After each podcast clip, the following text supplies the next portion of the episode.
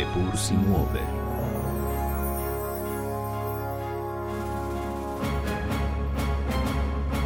In vendar se vrti. Ekstremni vremenski pojavi, kot so neurja, poplave in vročinski valovi, postajajo vse bolj del naše vsakdanjosti. Mesta so zaradi svoje infrastrukture in velikega števila prebivalcev zelo ranljiva na njihove posledice in materialno škodo. Hkrati pa sama tudi močno vplivajo na izpuste toplogrednih plinov in s tem na podnebne spremembe. V času zaprti med pandemijo COVID-19 smo bili prisiljeni živeti drugače. Ob delu od doma so na parkiriščih ostali tudi avtomobili. Zrak v mestih je bil nenadoma precej čistejši. Tudi izpusti oglikovega dioksida so se v tistem obdobju znižali. A že k malu po odpravi omejitev smo zašli na stara pota. Izjemni dogodki torej niso dovolj za spremembo, pač pa je zato nujno aktivno delovanje lokalnih oblasti v sodelovanju s prebivalci. In Evropska komisija je tudi zato spodbudila projekt Misija mesta s ciljem, da izbrana mesta v prihodnih letih pospešeno sprejemajo trajnostne ukrepe. Zdaj že nekdanjim vodjem projekta Matthewjem Boldvinom se je v Bruslju pogovarjal naš dopisnik Igor Jurič. Celotna ideja ima daljšo brado, saj se je pojavila že v času prejšnje Junkerjeve komisije. Z izborom stotih mest iz članic Unije in še dvanajstih iz partnerskih držav pa se je ideja začela uresničevati, je zadovoljno podaril Matthew Baldwin. Um,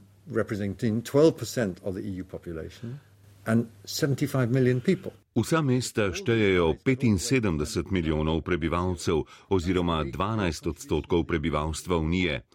In če vsem uspe doseči podnebno neutralnost do leta 2030, bo to velik prispevek k zelenemu dogovoru.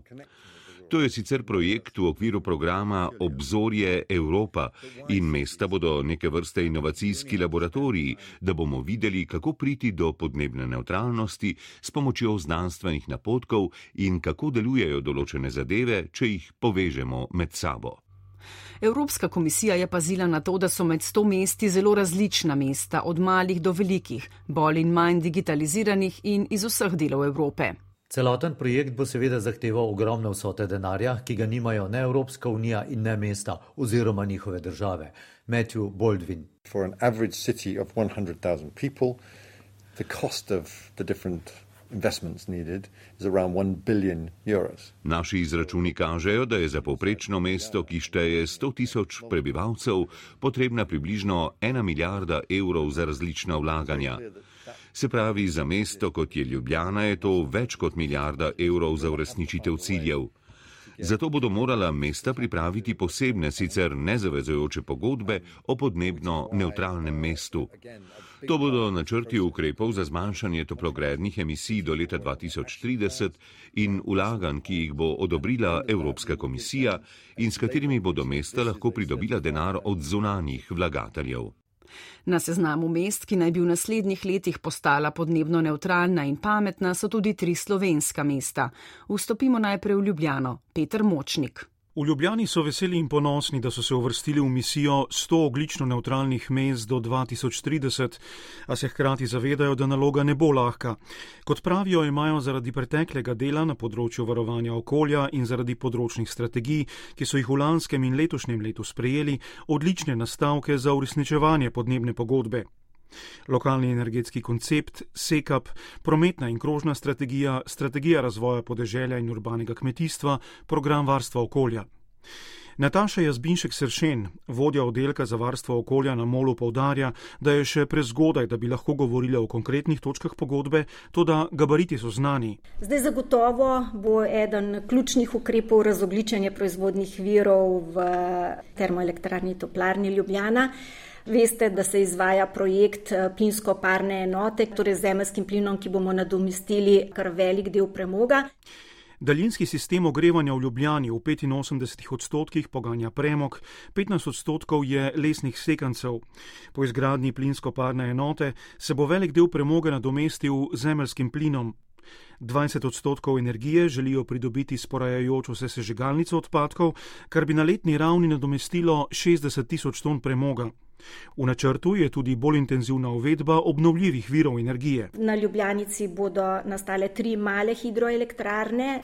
Potem velik projekt, ki se pripravlja, so sončne elektrarne na občinskih objektih, pa tudi delež lesnih eh, sekancov v toplarni se bo povečal. Zavedajo se, da razogličenje ni možno le z zamenjavo energentov, temveč tudi z učinkovito rabo energije. To, kar povdarja Jazbinšek Sršen, je mogoče z energetsko sanacijo objektov v občinski, državni in zasebni lasti. Še bolj intenzivno naj bi se lotili tudi ozelenjevanja mesta z vključevanjem streh in fasad, povečanja samooskrbe in ukrepov na področju trajnostne mobilnosti. Zagotovo bo potrebno veliko napora vložiti v eh, povečanje deleža uporabe javnega potniškega prometa prometa, elektrifikacijo prometa, kolesarsko infrastrukturo. Ukolikor bi ti ukrepi ne bili zadostni, se bo razmišljalo tudi o tako imenovanih eh, ekoloških conah z omejevanjem prometa. Pričemer je jasno, kot zaključuje sogovornica, da bodo morali tudi drugi deležniki, gospodarstvo, zasebniki in država, podobno stremeti k razogličenju, Na vprašanje, ali je razogličenje Ljubljane do leta 2030 dejansko dosegljiv cilj, Sršen povdarja, da se teže izziva zavedajo in da je težko napovedovati, kakšen bo izplen, a da so takšni cilji nujni in potrebni za intenzivnost ukrepov in za njihovo učinkovitost. Kran je bil na seznam misije mesta izbran zaradi več trajnostnih projektov, ki že potekajo ali pa jih še načrtujejo, prispeva Kaljane Jociv. Kran je v zadnjih dveh letih že veliko naredil na področju uresničevanja e-mobilnosti, zelene strategije, digitalizacije, prostorskega načrtovanja, našteva Eva Romih z mestne občine Kran. Delamo na področju mobilnosti in digitalizacije mesta. Najbolj odmevan je projekt eh, električne mobilnosti, kjer smo v bistvu prvi v Sloveniji, ki smo zamenjali eh, vozni park eh, mestne uprave in pa vseh naših javnih zavodov. Projekt je v bistvu pripravljen v treh stebrih. Menjava voznega parka v električna vozila, drugi stebr so električne polnilnice, tretji logičen ključen stebr so sončne elektrarne, ki proizvajajo elektriko za polnjenje. Tomaš Lanišek, vodja sektorja za razvoj in pametno skupnost mestne občine Kran, pa nadaljuje. Imamo lastne tudi elektrane za 1,7 milijona km, kar je popolnoma dovolj za naše potrebe, oziroma je še višek, kar pomeni, da mi ne obremenjujemo nekega javnega sistema dodatno in to je bistvo. Ne? Ni problem kupiti električne avtomobile,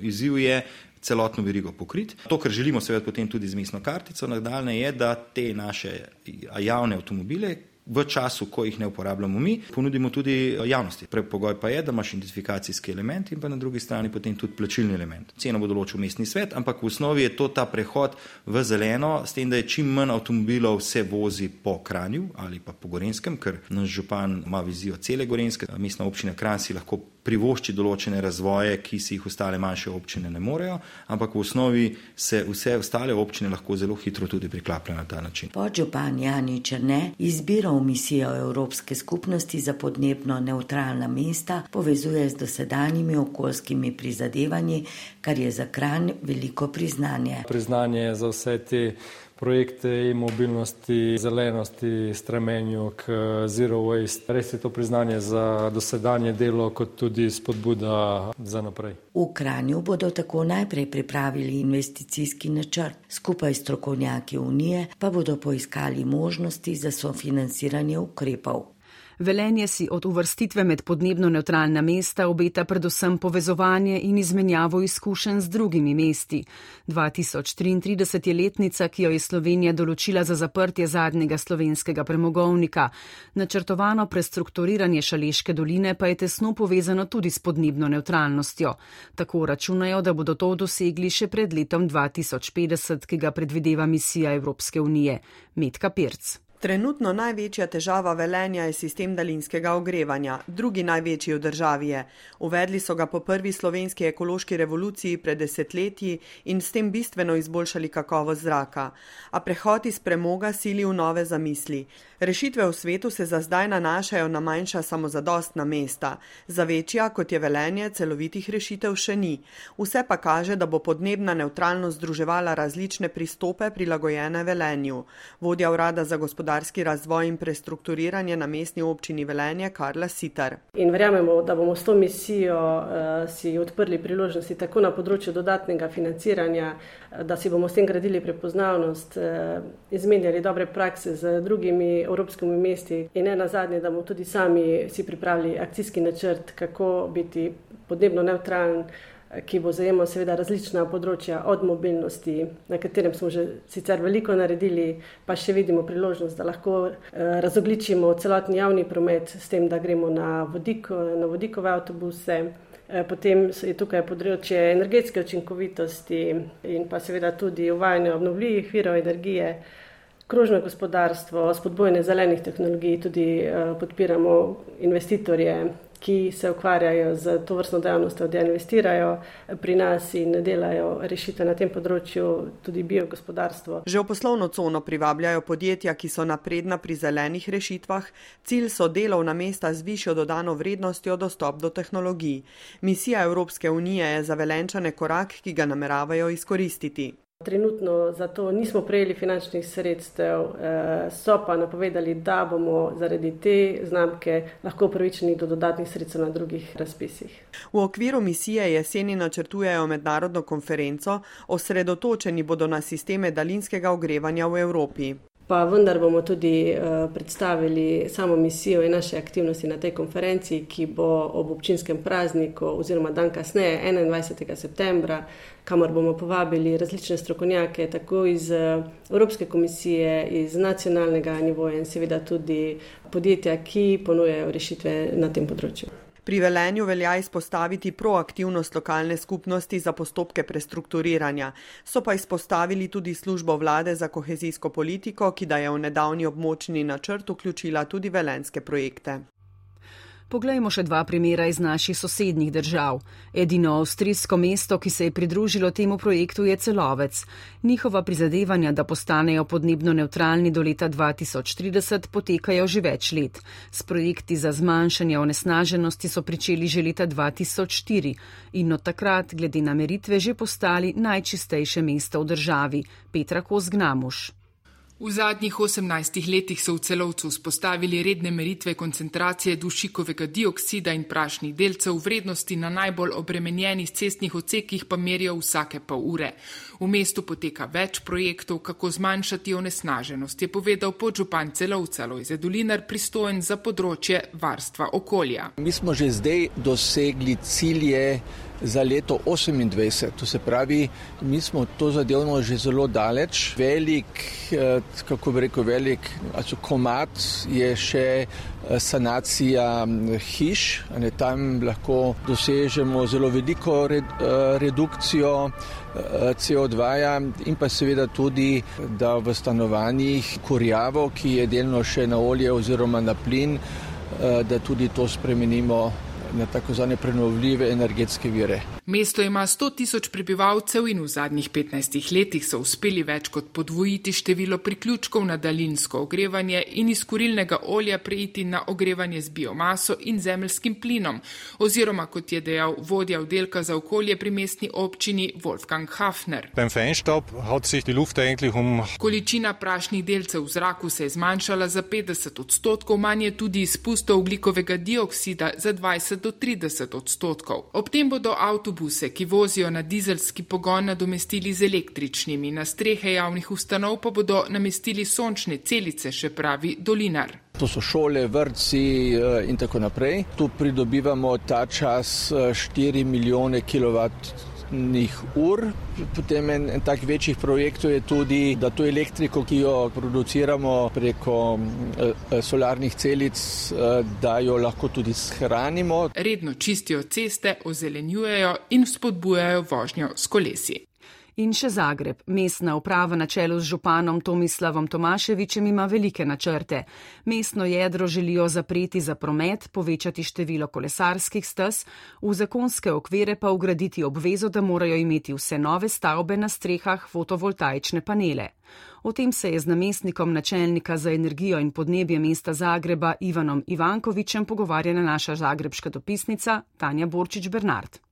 Karlovac, Križevci, Poreč, Pul, Reka, Velika Gorica in Zagreb so se potegovali za svoje mesto v misiji podnebno neutralnih in pametnih mest. Evropska komisija se je odločila, da bo priložnost dala le Zagrebu, za katerega naš sogovornik Ivan Ivankovič, ki je tudi odgovarjal na vprašalnik Evropske komisije, pravi, da ni v tako slabem položaju, kar se tiče emisije toplogrednih plinov. Ono što je u kontekstu ove prijave recimo i natječaja važno za naglasiti, mi od toga ne bježimo, prirodni plin je dominantan. Isto, kar moram poudariti v okviru tega razpisa je dejstvo, pred katerim ne bežimo, da je zemljski plin še vedno prevladojoča izbira toplotne energije v Zagrebu, pravi Ivankovič. Do leta 2030 Zagreb seveda ne bo postal mesto, ki se ogrevale z obnovljivimi viri energije, bo pa prehod na podnebno neutralno zagotovo hitrejši in lažji sredstvi z Evropske unije. To konkretno znači znači da vi kroz prostorne planove definirate i uvjetujete zapravo izvore energije za buduće objekte. Mesto skozi prostorske načrte lahko definira in celo pogojuje vire energije za bodoče objekte, naprimer postavitev fotovoltaičnih panelov na strehe Novograden, pravi Ivankovič. Za energetsku obnovu više stambenih zgrada rezidencijalnog sektora je to celokupna alokacija planula u sekundu. Za energetsko obnovo več stanovanskih poslopi so bila zadnja evropska sredstva razgrabljena dobesedno v sekundi sekundi ne morem razumeti, da kolegi v Ministrstvu za okolje ta sredstva še vedno delijo po principu najhitrejšega prsta, pravi Ivankovič in dodaja, da bodo mestne oblasti tudi tukaj skušale pomagati prebivalcem z lastnimi projekti pomoči.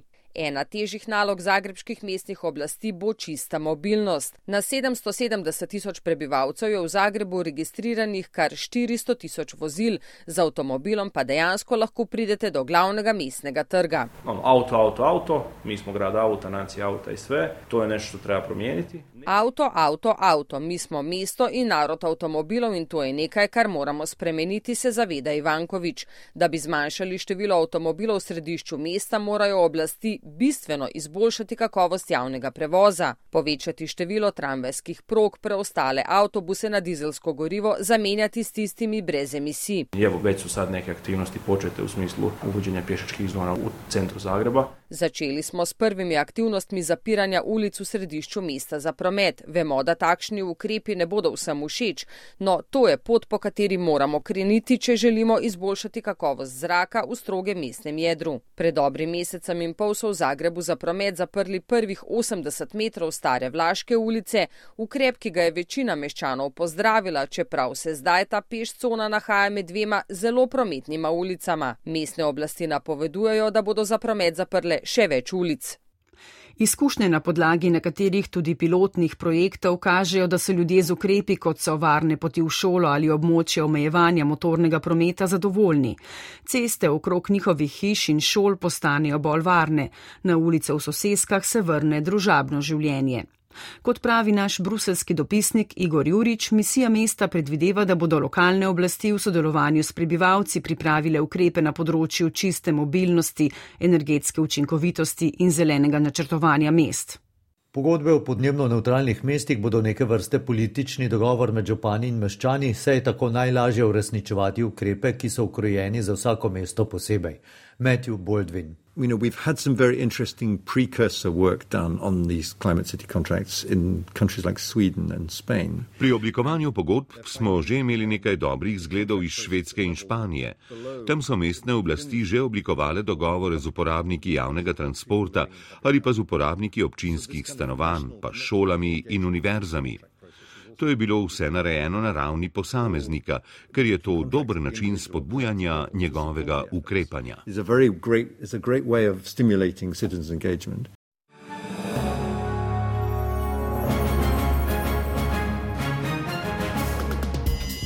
Poslušali ste oddajo zunanje političnega uredništva Epursi Move in vendar se vrti. Pripravili smo jo Tanja Borčič Bernard, Aljana Jocif, Igor Jurič, Petra Kozgnamuš, Petr Močnik, Metka Pirc in Špela Novak. Posnil jo je Robert Markoč, urednik uredništva je Luka Robida. Oddajo lahko najdete tudi v našem spletnem arhivu.